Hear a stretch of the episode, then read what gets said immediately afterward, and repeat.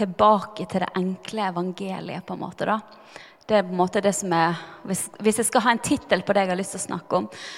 Eh, og så er det ofte sånn for meg at eh, det varierer litt, men mange ganger så kanskje jeg hører en sang, eller jeg leser noe i Bibelen, og så sier bare Gud dette skal du snakke om. Dette er det jeg er opptatt av. Eh, og For meg så var det jeg var hjemme og bare brukte tid sammen med Jesus. Og så hørte jeg på en sang som heter 'Nothing Else'.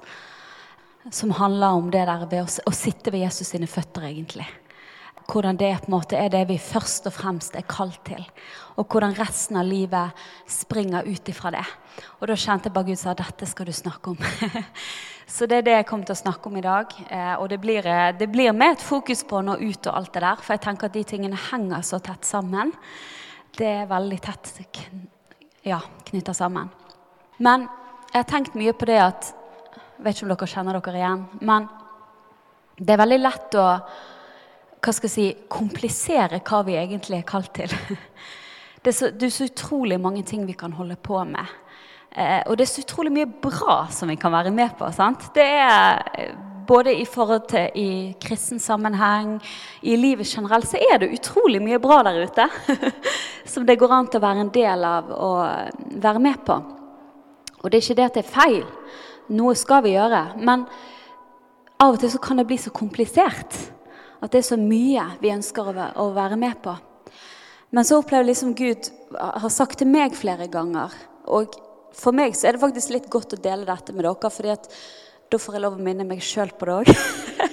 så jeg hjelper jeg, jeg snakker til meg sjøl òg, for å si det sånn. Jeg trenger stadig vekk å bli minnet på hva er det hva er det jeg er virkelig kalt til? Hva er det vi som etterfølgere, vi som kjenner Jesus, eh, hva er det vi virkelig er kalt til? Hvis vi liksom skreller det helt ned. Eh, for det er mye som vil ha vår oppmerksomhet, og det er mye som vil ta vårt fokus. Det er mye som skriker og roper høyt. Men hva er det vi virkelig er kalt til? Eh, det tror jeg er det store spørsmålet. Uh, og så er det som jeg sa i sted, det er utrolig mye bra vi kan være med på. Uh, som ikke er feil i seg sjøl. Men av og til Eh, jeg tror det var svigerfar som sa det. Han pleide å si det at det som er bra, kan av og til bli fienden til det som er best. For det er så mye bra, men hva er det som er best? Hva er det Gud har for oss? Så det er det jeg vil snakke litt om. Så da leder det meg eh, over i det med det evighetsperspektivet. Um, og jeg, å, jeg, kjente, jeg ble veldig minnet på å dele en drøm jeg fikk for noen år siden med dere. Eh, I koronatiden så eh, Jeg vet ikke om dere hadde, hadde, det sånn som meg, men for meg ble det en sånn tid der på en måte Gud skrellet veldig ned ting i livet. Skrellet vekk ting som eh, ja, masse aktiviteter. Eh, alt fra helt hverdagslige aktiviteter til ting i menighetsliv. Alt det ble jo tatt vekk. sant? Og så det som sto igjen, var på en måte relasjonen til Jesus.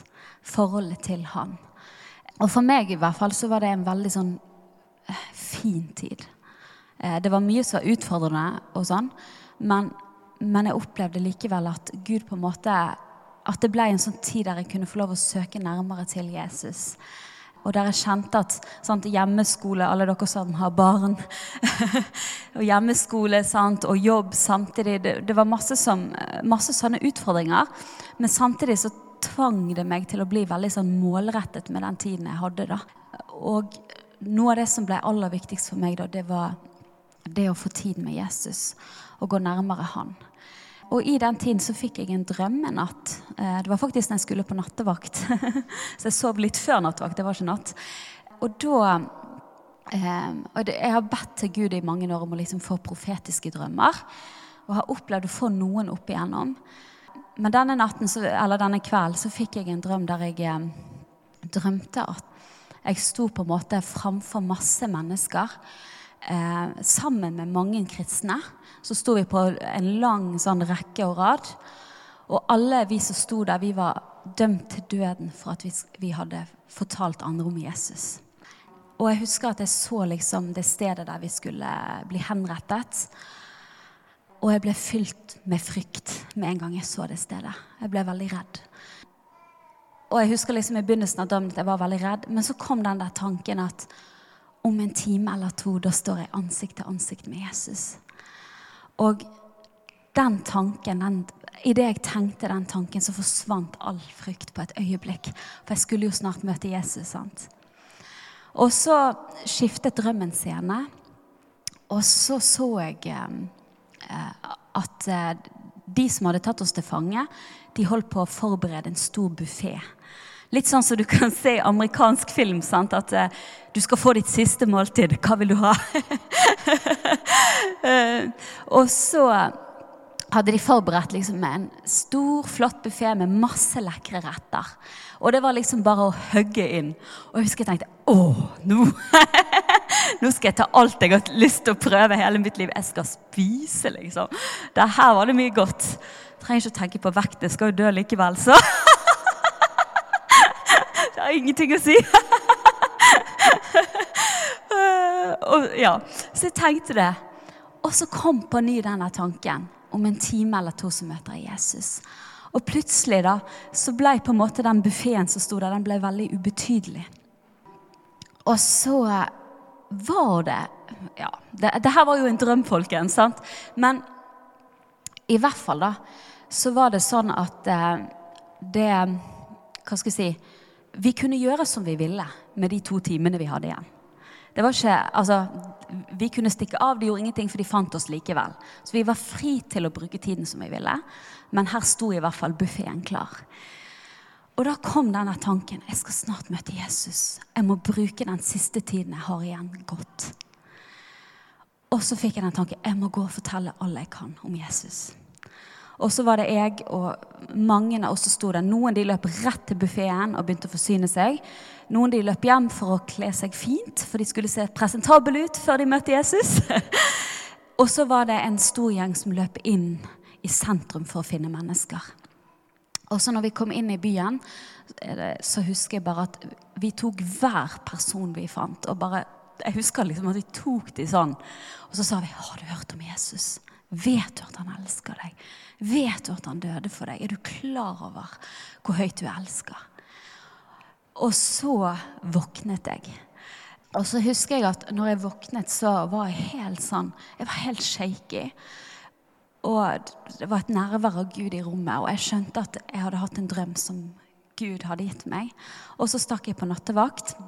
Og så mens jeg var på nattevakt, så begynte jeg å be til Gud. Og så sa jeg, Gud, nå må du vise meg er det noe spesielt du vil si gjennom denne drømmen her? på en måte? Hva, altså, jeg skjønner jo budskapet, men er det noe Ja, hva vil du si, på en måte, da? Og det første jeg opplevde på en måte at Jesus sa til meg, det var det der at eh, det er så utrolig mye, som jeg sa i sted, som vil ta fokuset vårt. Men hva ville skjedd hvis du levde for det øyeblikket du skulle møte meg? Hvordan ville det preget dine prioriteringer? Hvordan kunne, ville det preget dine valg, din hverdag, hvis du hver dag levde som om du når som helst kunne møte meg? Veldig, det er veldig lett å putte det langt der borte, men i et evighetsperspektiv så er jo dette livet her grådig kort. Og det andre på en måte Gud sa til meg, var liksom det at For det glemte jeg å si, men all frykt for mennesker forsvant idet jeg tenkte på at jeg snart skulle møte Jesus. Da var menneskefrykten borte. Det eneste som betydde noe da, var hva Jesus ville si. Og så sa Gud, lå du merke til hvordan all menneskefrykt var borte idet du tenkte på at du snart skulle møte meg? Og så sa Gud, lå du eh, merke til at fienden han har faktisk ingen problemer med å sette lekre retter fremfor deg, så lenge det kan få lov å stjele fokuset fra det du virkelig er kalt til. Så vil han gjerne tilby deg masse lekre retter, ting som ser bra ut ting som distraherer deg. Ingen problem. Hvis det kan holde deg vekke fra det fokuset Gud egentlig vil du skal ha. Og det var kanskje den som rista meg aller mest. Den der at hvor lett det kan bli tatt. For min egen del òg. Jeg regner meg ikke den eneste som kjenner på det her. At det er lett å bli distrahert fra oppdraget. Og så er det jo det her sant, som Jesus sier at eh, det eneste altså Det eneste vi kan få lov å ta med oss til himmelen, det er faktisk mennesker. Og det er den relasjonen vi har til Jesus. Det er det eneste i våre liv som vi kan bringe med oss inn i evigheten.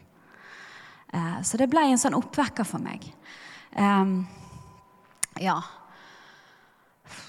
Ja jeg, jeg, kjente bare veldig at jeg hadde lyst til å dele det, for det er litt ja, jeg opplevde Gud bare ville minne oss om det. At han har, eh, han har en større hensikt, han har en større plan. Og så bare lyst til å lese dette verset her, at de kloke skal skinne som hvelvingens glans. De som har ført de mange til rettferdighet, skal være lik stjernene for evig og alltid. Daniel 12,3. Jeg syns det verset er så sterkt. Gud han har, han har, lovet oss en belønning for å være med og lede mennesker til Jesus og fortelle mennesker om Jesus. Det er en lønn i himmelen for det. Det står at vi skal få skinne som stjerner. Jesus skinner nok aller sterkest. Men vi skal få lov å skinne, vi òg. Gud belønner oss når vi er villige til å fortelle andre om han. Det har mye for han å si. Og vi er, tøft, vi er, omgitt av mennesker som tørster. og Jeg skal ikke si mye om det. Jeg tror jeg sa litt om det på IMI, men det er lenge siden. Men, men vi merket i koronatiden at uh, det var litt artig. Jeg hadde en venninne som uh, ga respons på evangeliet i den tiden. Og så skulle jeg ut på bokhandel og kjøpe bibel til henne. Og jeg gikk i flere bokhandler og så sa jeg, har dere en bibel. Nei, vi er utsolgt. For i koronatiden så begynte folk å tenke. Det var et eller annet som på en måte rista dem litt løs av søvnen og av alt som er behagelig. sant? Og hun ene sa ja, noen har til og med stjålet bibler. Jeg skjønner ikke hva som skjer. Huff a meg. Ja ja, vi får håpe de møtte Jesus. Men jeg syns det var så sterkt, for det bare viser at det var, det var et eller annet som satte i gang en tankeprosess. Det var et eller annet som vekket folk opp. Og vi var en del ute liksom når det etter hvert da, i koronatiden med ansiktsmaske på, håndsprit i vesken. eh, og vi fikk oppleve at vi, faktisk, jeg, var, jeg, husker jeg var så redd for at folk skulle bli sint for at vi nærmet oss dem pga. alle restriksjonene. Eh, da husker jeg at menneskefrykt virkelig tok meg. Men jeg ble så overraska. Vi opplevde ikke én i koronatiden som avviste oss. Er ikke det interessant? Midt i restriksjoner og alt sammen, så var alle, alle vi møtte Selvfølgelig, vi kan jo ha vært heldige, men vi møtte nå en del folk. De var så åpne, for det var et eller annet som var blitt ryk, rykka ved. Noe som ble, var blitt ristet i livet deres. da. Men vi er omgitt av en åndelig tørst. Er det flere enn meg som har sett The Jesus Revolution her? Yay! No. Så gøy. Da vet dere hva jeg snakker om. jeg, jeg, og Øystein vi var og så den i august. Ehm, det var en eh, heftig film å se. Eh, grein hele filmen igjennom. Så det var, det var Ja. Øystein han så bort på meg etter fem minutter og sa han, 'Er du i gang allerede?' Jeg bare ja. Fantastisk film hvis ikke dere har sett den. Men det handler jo om Jesusvekkelsen på 60-70-tallet. Og alle de eh, unge hippiene som eh, møtte Jesus midt i dop og rus og rock'n'roll, holdt jeg på å si. Så møtte de Jesus. Men når jeg så den filmen, så tenkte jeg bare jeg ble så, altså En ting var at det er sterkt å se hva Jesus har gjort før. Det er alltid sterkt å høre om hva Jesus har gjort, og hvordan han har møtt mennesker. Og vekkelse og alt det der. Det er kjempespennende. Men jeg kjente at jeg ble så Når jeg så den filmen, så tenkte jeg dette er jo de menneskene vi møter i dag. Det er jo akkurat, Hva er det vi ser i samfunnet rundt oss? Med all den forvirringen. med all den eksperimenteringen, enten det har med skjønn å gjøre, eller det er festing, eller sosiale medier altså, Det er kanskje ikke akkurat det samme som det var på 60-tallet, men, men, sånn grunnleggende sett, hvis du går til roten, så er jo det det samme. Det er lengsel. Det, det er en, jeg tror jo på en måte dette gjelder mer enn bare ungdommer og unge voksne i dag. Men hvis vi skal tenke spesifikt på de, da, så er jo alt det vi ser rundt oss, det er jo det samme som vi så der. Det, er et uttrykk for en lengsel. En lengsel etter en identitet. En lengsel etter å bli elsket. Sant? Og folk som leter etter kjærlighet på alle de feile stedene. Egentlig. Sant? Som er et grunnleggende gudskapt behov i alle mennesker. Å erfare Jesus' kjærlighet.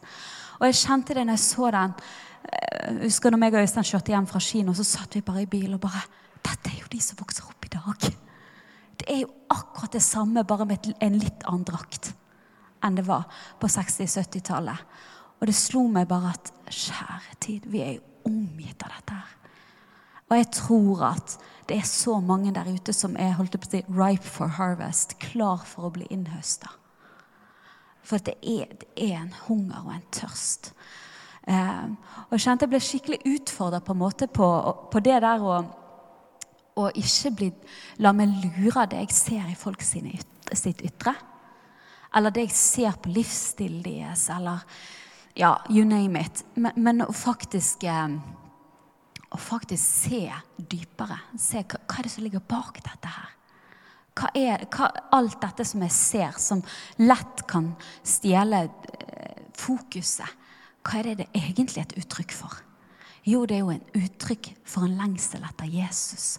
For en lengsel etter mening med livet. For en lengsel etter hvorfor er jeg her egentlig?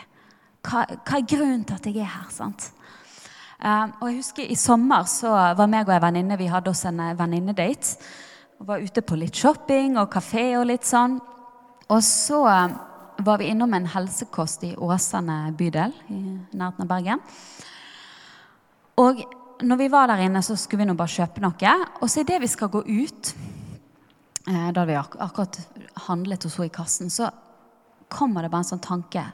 Gå og spør henne i kassen om hun har vondt i nakken. Og så snudde vi og gikk tilbake. Og så sa vi du, du, før vi går, vi må bare spørre deg om noe. Idet jeg skulle til å gå ut av butikken, så fikk jeg bare en tanke. Har du tilfeldigvis vondt i nakken din? Og så idet vi spurte om det, så, så bare gjør hun sånn. Og så sier hun bare jeg har ikke tenkt på annet de siste dagene, og jeg har klagd til alle kollegene mine. Jeg har så vondt i nakken min. Liksom. Og så vi bare Oi. Så sier jeg, hvordan vet dere det? For det, det, er ikke alltid jeg sier til folk med en gang at jeg er kristen. Eh, noen ganger gjør jeg det, men ofte så er det den døråpneren fra Den hellige ånd. Sant? Han som kjenner til folks situasjon. Eh, og så fikk vi lov å si nei, du skjønner, vi er kristen. Og vi bare opplevde at Gud viste oss det.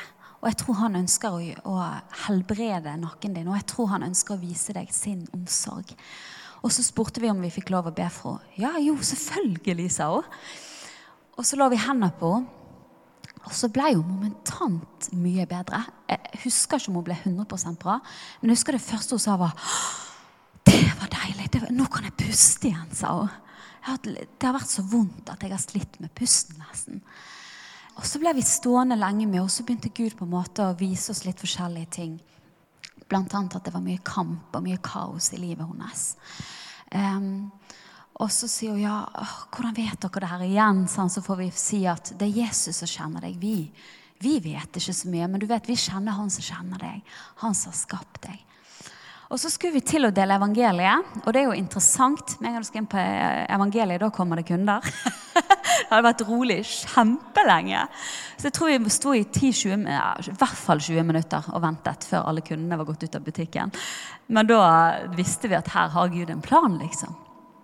Og så Eh, når til slutt alle kundene var gått ut, da, da, gikk vi bare rundt som vanlige kunder vi og sa bare slapp av, du er på jobb, vi respekterer det, vi venter. Eh, og når da alle kundene var gått, så fikk vi snakke videre med henne. Plutselig ble det helt stille igjen i butikken. Og da fikk vi en sånn skikkelig god stund der vi fikk virkelig stå og forsyne evangeliet til henne. Og dele hvordan Jesus elsket henne og så henne og har gitt sitt liv for henne. Omvendelse, alle de tingene der. da. Og så spør vi om hun vil ta imot Jesus. Og så sier hun ja det ønsker jeg. Først spør hun hva betyr det Og så får vi lov å forklare hva det betyr. Så sier hun ja, det ønsker jeg. Og så sa hun liksom det, dette er det mest utenomjordiske jeg har opplevd i mitt liv. jeg syns det var en så gøy kommentar. Så sa jeg vet du hva, jeg skjønner hva du mener. Det, når du har møtt Jesus, så er det veldig vanskelig å finne ord for det. Fordi at det er, det er spesielt. Sant? Så Gud han eh, møter mennesker. Og så er det av og til, da Med hun her har det vært en litt sånn kamp med oppfølgingen. Men jeg vet at Gud kaller på Jeg møtte henne igjen på jobb og sånn. Men det er så sterkt å se at det er en hunger i mennesker. At det er en evighet som lengter etter Jesus i mennesker. Det er utrolig sterkt å vite. Lukas 10, 38-42. Da de dro videre, kom han til en landsby der en kvinne som het Martha, tok imot ham i huset sitt. Hun hadde en søster som het Maria, og Maria satte seg ned ved Herrens føtter og lyttet til hans ord. Men Martha var travelt opptatt med alt som skulle stelles i stand. Hun kom bort til dem og sa, 'Herre, bryr du deg ikke om at min søster lar meg gjøre alt arbeidet alene?' 'Si til henne at hun skal hjelpe meg.' Men Herren svarte henne, 'Martha, Martha, du gjør deg strev og uro med mange ting, men ett er nødvendig.' Maria har valgt den gode del, og den skal ikke tas fra henne. Jeg synes Det her er, det er jo en kjent historie. Jeg, jeg syns det er veldig sterkt. Og etter å liksom lest litt mer og hørt litt mer undervisning rundt dette her, så har jeg skjønt at det at Maria satte seg ned og valgte å være med Jesus sine føtter, det var på en måte mer enn bare at hun valgte å sitte ved Jesus sine føtter, men hun brøt faktisk med veldig mange kulturelle normer på den tiden. For på den tiden så var det 100 holdt på å si, forventet av en dame at hun skulle stå og, og tjene i huset når det var gjester. Og det var kun mennene som fikk sitte seg ned og lære. Men vi vet at Jesus var annerledes. Takk og lov. Ehm, men hun valgte sjøl om Så Martha hun gjorde det som var forventa henne. Så det var jo på en måte, det var helt kulturelt eh, perfekt. Jeg holdt på å si, Helt kulturelt rett, kanskje et bedre ord. Det Martha valgte å gjøre. Så det Maria valgte å gjøre, var kontroversielt i den tiden. Men hun hadde en sånn verdi for å sitte ved Jesus sine føtter at hun var, valg, hun var, villig til å betale den prisen, selv om hun ble misforstått. Selv om det ble sett på som at ja, men du skulle stått og stelt i huset. Så visste hun at vet du hva, det aller viktigste jeg kan gjøre, er å sitte meg ned ved Jesus sine føtter og høre hva han har å si. Hun hadde en høy verdi for Jesus sine ord. Hun visste at det var helt nødvendig. Og det er interessant at Jesus sier men ett er nødvendig. Maria har valgt den gode del. Så Jesus til og med sier at det er faktisk nødvendig. Vi trenger å sitte ned ved hans sine føtter. Vi trenger å høre hva han har å si. Vi trenger å høre hans hjerte. Um, og vi er invitert til det. Og jeg har tenkt på at det står mange steder, både i åpenbaringen, når Jesus sender brevet til de ulike menighetene, så sier han den som har hører, hør hva Ånden sier til menigheten. Og så sier han når han forteller lignelser skal vi se, for rette ord, Den som har ører, hør. Så hele tiden så er det et fokus på at det er viktig å høre hva er det Gud sier nå. Hva er det Gud vil gjøre nå? Hva er det Gud sier nå? Og ta oss den tiden. Selv om kanskje så kan det for noen oppleves som at vi sløser vekk tiden vår. Men det er kanskje noe av det mest effektive og fruktbare vi kan gjøre, er å høre hva, hva gjør du nå, Jesus? Hva er det du sier nå, Jesus? Hva er du opptatt av nå? Eh, det er livsviktig for oss.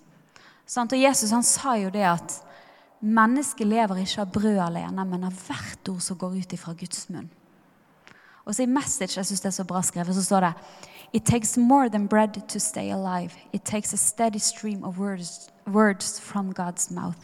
Sånn, så det, det, tar mer enn brød for å holde seg i live. Det krever en stødig strøm, eller en, en strøm som flyter hele tiden, av de ordene som Gud taler. Så ja, selvfølgelig Guds ord, Bibel, men også faktisk Gud, hva er det du sier nå? Det å sitte, altså Vi lever av det Gud snakker her og nå. Alt livet springer ut ifra det. Eh, og de ordene som Den hellige ånd sier akkurat her og nå, de er det liv i. De er det kraft i. Når Gud taler noe, eh, så kan det bringe frihet inn i våre liv. Det kan bringe åpenbaring av Jesus. Begeistring, frimodighet, glede. Og så kan det faktisk være livsviktig for de menneskene som vi omgir oss med også. Sant? Eh, det at vi hører Guds stemme, at vi sitter ved hans føtter og sier Gud, hvor, hvem, hva hvem vil du nå nå? Hva er du opptatt av nå? Det kan bety liv og død for mennesker rundt oss. Og jeg, eh, I sommer eh, det var sikkert flere som, Jeg vet det var mange her som var på Lys og Salt. Men da ble jeg så oppmuntra. fordi da fikk jeg høre etter ringvirkninger av noe meg og et team fra Bergen bibelskole opplevde for halvannet år siden. Da var vi i England på en teamtur med bl.a. Pia, f.eks. Hun var med. Og så var det en dag vi var ute på evangelisering. Eh, vi skulle hjelpe noen som skulle plante en menighet i en bydel. Så skulle vi på en måte bare bli med i det da, og dele ut flyers og snakke med folk. Og så var vi egentlig helt på slutten, var begynt å gå inn for en landing. Og så var vi bare rett innom en sånn her eh, lokal matvarebutikk. Og skulle bare kjøpe oss noe å drikke. Og så går vi gjennom der, og så idet vi går forbi, så, så er det flere av oss som opplever at hun dama som står og rydder i frukten Jeg lurer på om hun kan ha vondt i ryggen. Så vi stoppet nå bare opp og tenkte vi skal nå bare spørre henne, så kan vi be for henne. Så stoppet vi henne og sa du, vi var bare på vei gjennom butikken, men så gikk vi forbi deg, og så fikk vi en tanke Kan du ha vondt i ryggen din tilfeldigvis? Så sier hun bare ja. Hvordan, hvordan vet dere det? Så sa vi nei, du skjønner, vi er kristen. Og så idet vi sa vi var kristen, så begynte hun å gråte med en gang. Så sa hun oi, det var spesielt. Dere skjønner, Jeg pleide å være kristen, men jeg har løpt vekk fra Jesus de siste årene. Hun her var fra Sør-Afrika, men bodde i England. Og siste tiden, både jeg og søstera mi, storesøstera, da, tror jeg, vi, begge vi har eh, pleid å være kristne, men vi har gått vekk fra Jesus. Og så siste tiden har vi begynt å snakke om Var det egentlig helt bra, det der? Og så sendte Gud oss liksom, Vi skulle bare kjøpe drikke. Men så sender Gud oss inn i den butikken. Og så blir det en sånn oppvekker for henne. Og hun ble tydeligvis helbreda i ryggen. Jeg visste ikke jeg for et år senere. Jeg visste hun ble litt bedre, men hun ble tydeligvis bra. Og så får vi besøk sant, på Lys og Salt i sommer av eh, David og Deborah Lyon. Og så forteller de hva som har skjedd etter dette her, ut ifra et så Altså fem minutter på butikken, folkens.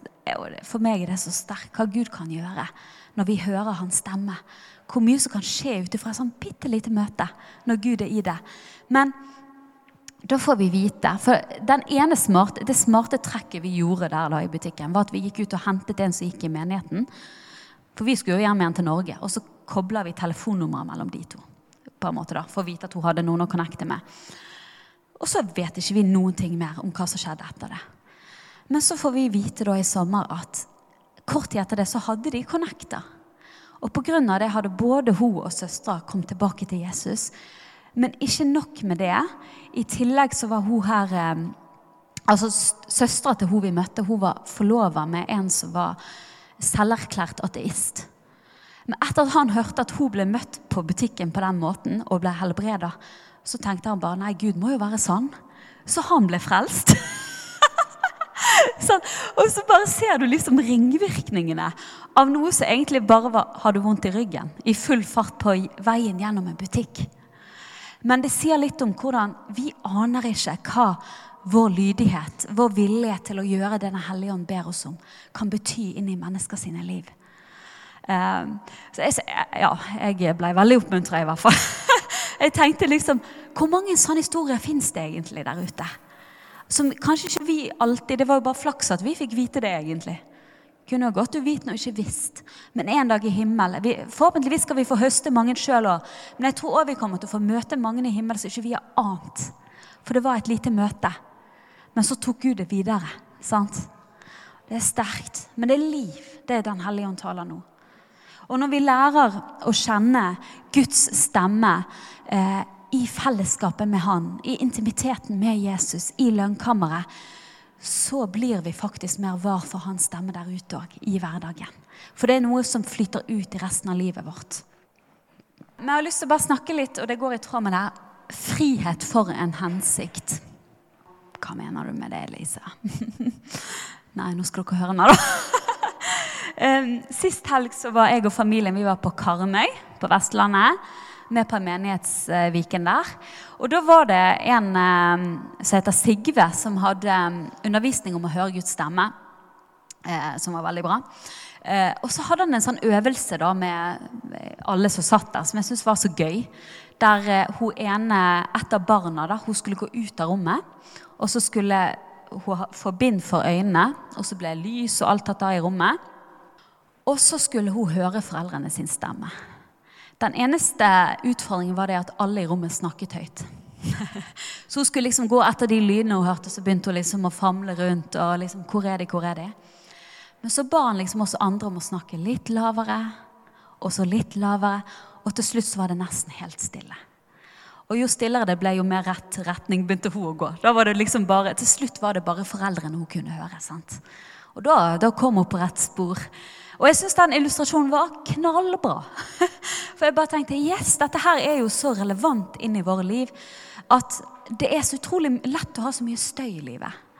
Det er så lett på en måte å ha så mange stemmer. Og hvis det er flere som er som meg, at mobiltelefonen eksempel, kan være en kjempeutfordring på det.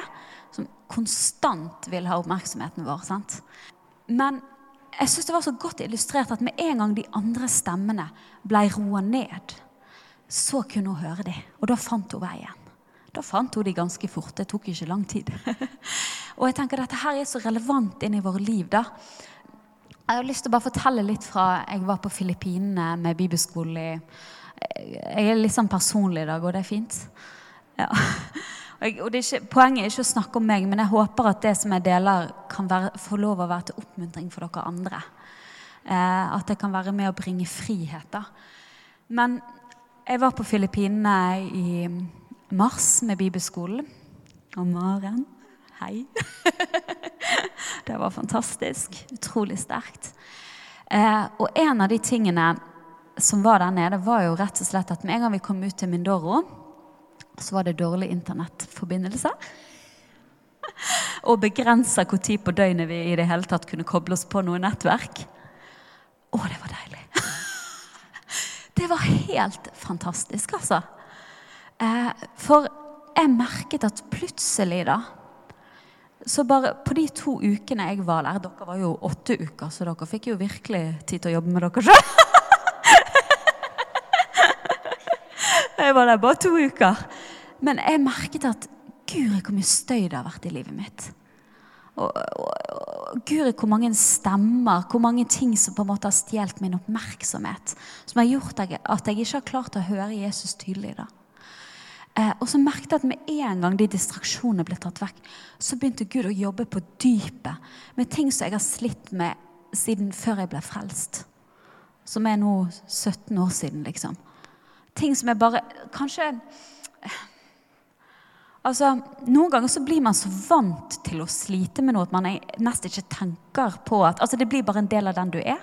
Så kan skjønne hva jeg altså, Det er nesten en selvfølge. på en måte. Det, sånn er nå bare jeg, og det her må jeg nå bare jobbe meg gjennom. Sånn er det bare. Sånn er jeg, og sånn er det. Sånn som de sier på barne-TV.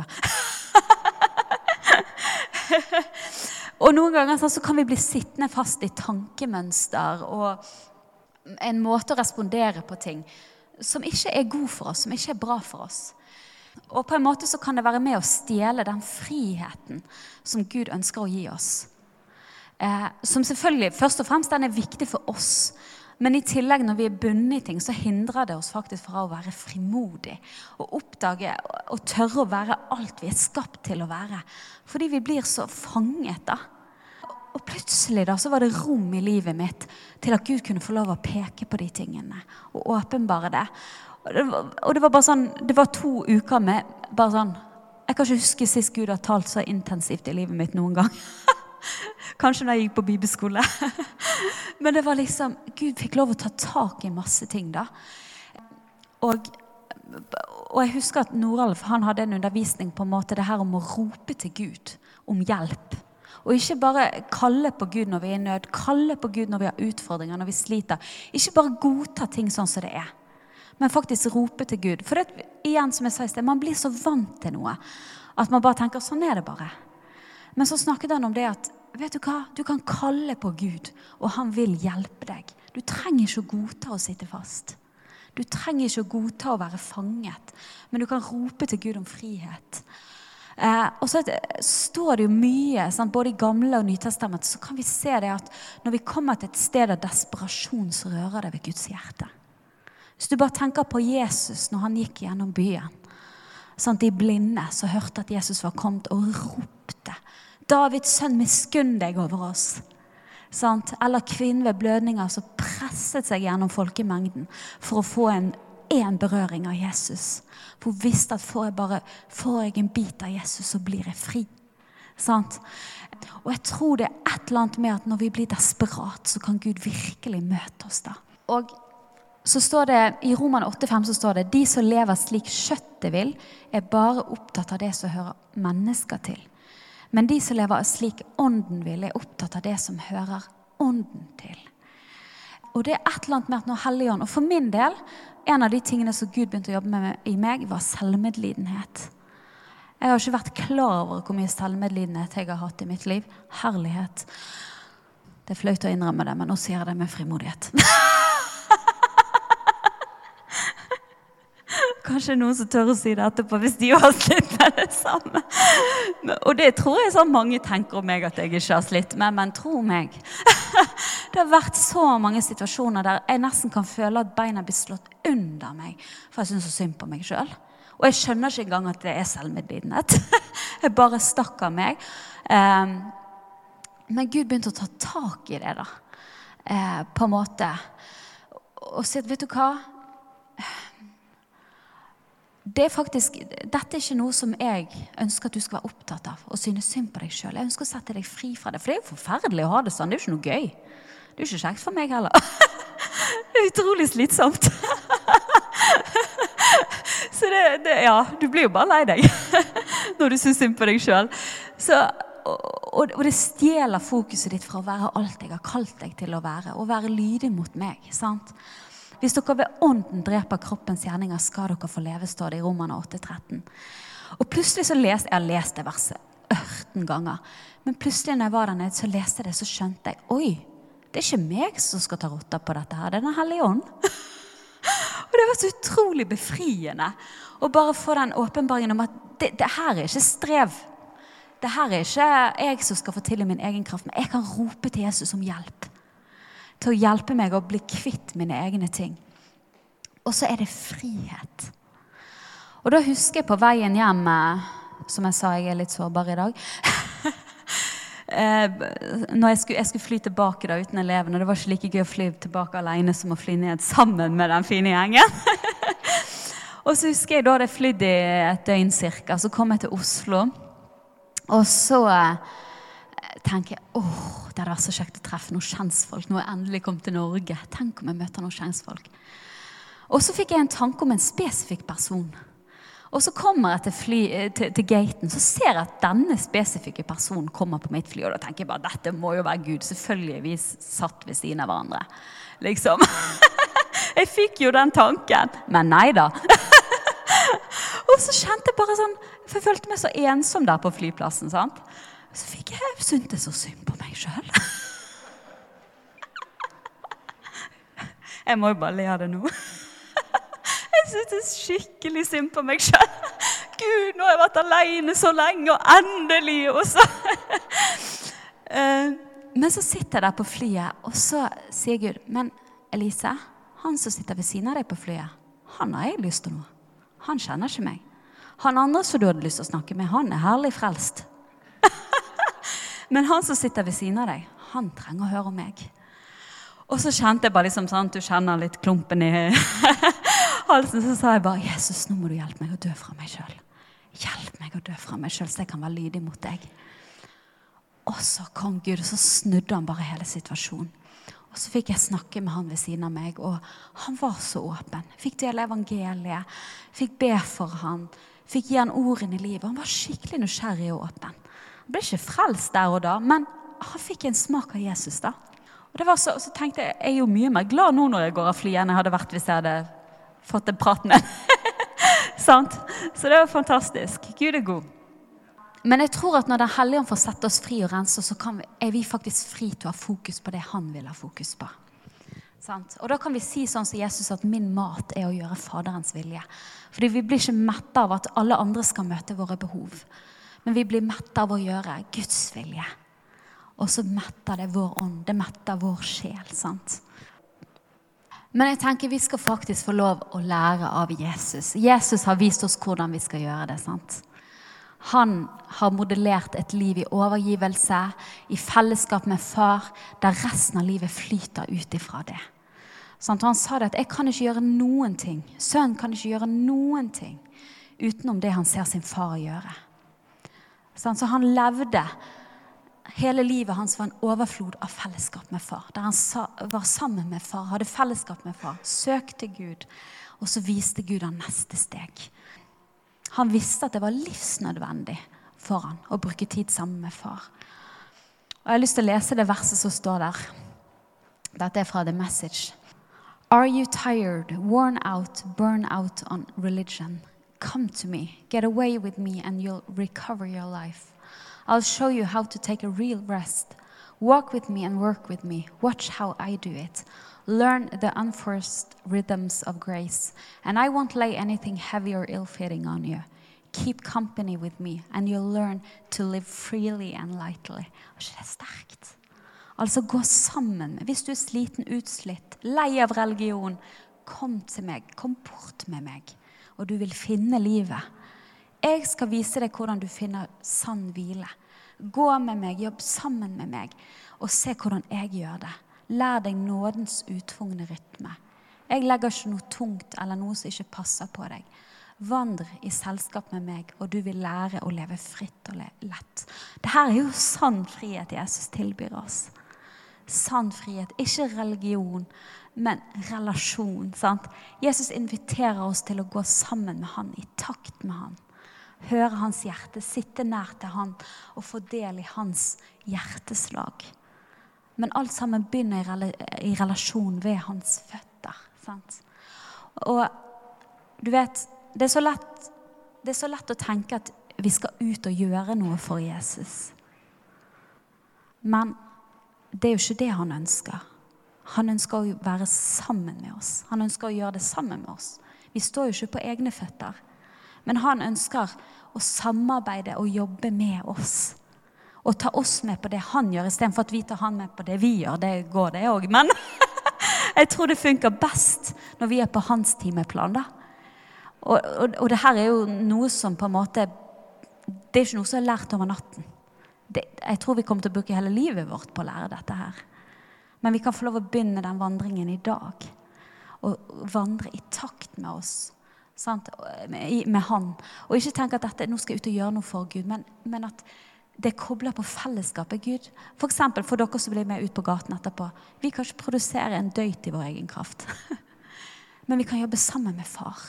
Så kan vi si, 'Pappa, hvem er det du vil nå? nå? Hva, hva, hva gjør du nå?'